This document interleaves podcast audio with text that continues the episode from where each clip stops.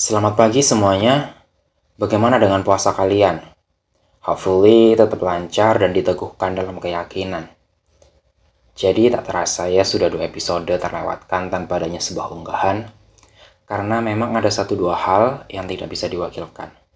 Jadi di episode kali ini, aku akan mencoba menuliskan sebuah puisi tentang cerminan atau refleksi diri selama bulan suci yang dulu-dulu ataupun terjadi saat ini. Mari kita simak bersama puisi kali ini. Cerminan diri. Jika ada kaca yang diberikan tepat di depan wajahku, aku akan malu dan menunduk lesu. Bagaimana bisa aku bertanya, siapa aku dan berupa apa aku? Dalam tingkah dan laku yang sering kali mengaku, di waktu yang dikhususkan, aku ingin menyambutnya dengan sukacita, karena rinduku belum tentu temu di waktu berikutnya. Jika kembali aku mencoba bercermin, aku ingin membasuh terlebih dahulu wajahku. Di kesempatan saat ini di hadapanku.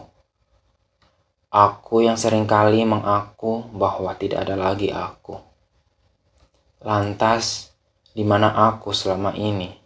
Sibukkah aku mencari aku, seperti kata mereka? Apakah aku adalah ikan yang mencari di mana itu air berada?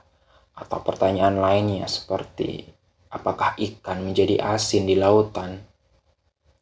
Ataupun serangkaian pertanyaan lainnya yang mampu menjawab ke mana aku selama ini.